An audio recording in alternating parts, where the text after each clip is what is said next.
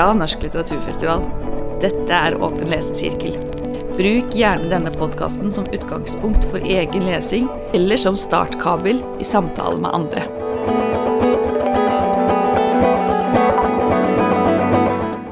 Del 4 2020 Marit Eikemo, Hardanger. Dette er Marit Borknagen. Jeg er festivalsjef i Norsk litteraturfestival. Det er epleblomstring, veier som slynger seg langs fjorden og svimmelvakre landskap så langt øyet rekker. Det vestlandske landskapet og kulturhistorien gjennomsyrer hver side av Marit Eikemos siste bok, novellesamlingen Hardanger.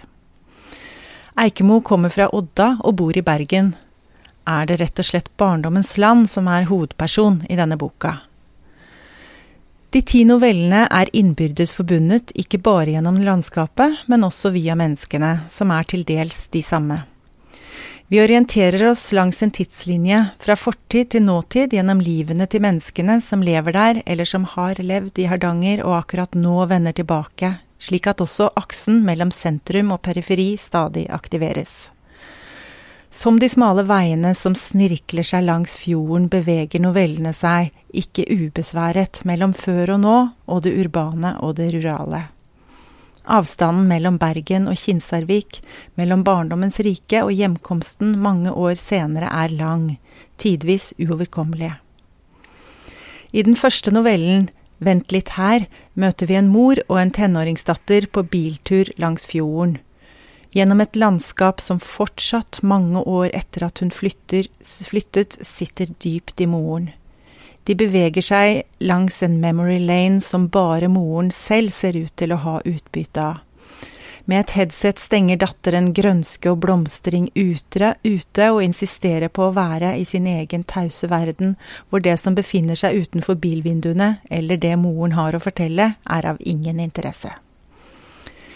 I Talkshow-dronninga møter vi Helene som kommer hjem til Odda. Det er mange år siden hun bodde der, og besøkene opp igjennom, skjønner vi, har vært både korte og motvillige. I Oslo lever hun et glamorøst liv som skuespiller, får vi inntrykk av. Og det er kjendisstatusen som gjør at hun nå vender tilbake for å delta i det lokale talkshowet. Hele Odda har møtt opp for å se. Hun gir dem noen sannhetens ord om hvordan det var å vokse opp der som alkoholikerens datter. Ærligheten er uventet og etterlater en trykket stemning, som likevel, takket være en annen gjest, løses opp og forsones i novellens avslutning. Hardanger er en novellekrans. Hovedpersonen fra én novelle dukker opp som birkarakter i en annen. Henning med sideren og talkshowene, Gro på Kartverket osv. Når du leser, vil du oppdage flere. Og når dere skal diskutere Hardanger i lesesirkelen, kan det være interessant å nøste opp noen av disse trådene og undersøke hva forfatteren oppnår med det. Eikemo har tidligere gitt ut fem romaner og én essaysamling. Hvis du har lest flere av bøkene hennes, er det verdt å tenke gjennom i hvilken grad det finnes en felles tematikk eller interessante utviklingslinjer mellom dem.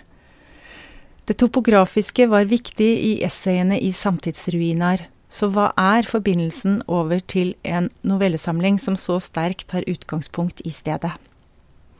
I den novella som heter Spesielt interesserte, følger vi et ektepar som finner spenning i å dra på visninger.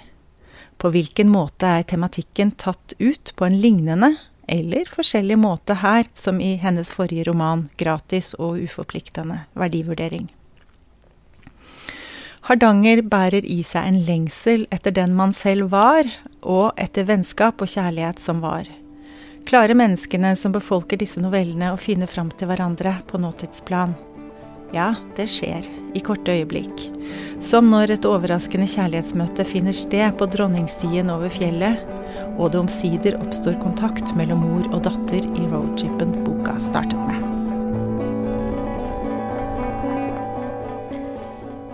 Det er forfatteren som leser. Velkommen til Kartverket, du snakker med Gro.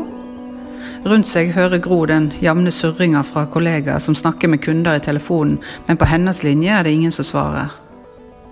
Hva kan jeg hjelpe deg med, spør hun. Det kommer fremdeles ikke noe svar i den andre enden, og Gro setter albuen i bordplata og hviler haka i handa. Hun lukker øynene og kjenner hvor trøtt hun er. Hun vet at hun kan sovne slik på minuttet hvis det ikke skjer noe snart. Velkommen til Kartverket, du snakker med Gro, gjentar hun. Det er ikke uvanlig at folk har problemer med å komme i gang med samtalen når de ringer til Kartverket. Det dreier seg ofte om følsomme ting. Tinglysing av eiendom griper inn i hele livsløpet, fra død og arv til dype familiekonflikter og langvarige krangler om veiretter. Gro ser på klokka. Det er en halvtime til lunsj, og i dag skal de ha kakelunsj for Jenny, som skal slutte, og sånn sett så har hun ikke noe imot å stå over lunsjen i dag. Det er umulig å holde seg til en streng diett med alle disse kakelunsjene. På en så stor arbeidsplass som dette er blitt, så er det alltid noen som skal feires med ei kake. Gro mistenker Kartverket for å aktivt holde liv i kakebusinessen til Anne Gunn, kona til Hallgeir i ledergruppa. Noe skal jo hun òg leve av. De svindyre, kreative bursdagskakene hun legger ut på Facebook-sida si, er det jo ingen i fjorden som tar seg råd til. Hun får kanskje ei og anna bestilling fra Odda, men hva er egentlig poenget, har Gro mange ganger tenkt. Har du først bestemt deg for å få unger, så må du nesten kunne bake dine egne kaker. Det er ingen kvinner i fjorden som vil betale tusenvis av kroner for at ei anna kvinne fra den samme fjorden skal bake ei bedre kake til ungene dine enn du klarer å bake sjøl. Kan jeg hjelpe deg med noe, gjentar Gro og bestemmer seg for at det får være siste gang hun spør. Hun har ikke hele dagen heller. Jeg vil skille meg, sier kvinnestemma i andre enden. Gro drar pusten djupt. Det er helt utrolig hva folk ringer til Kartverket om.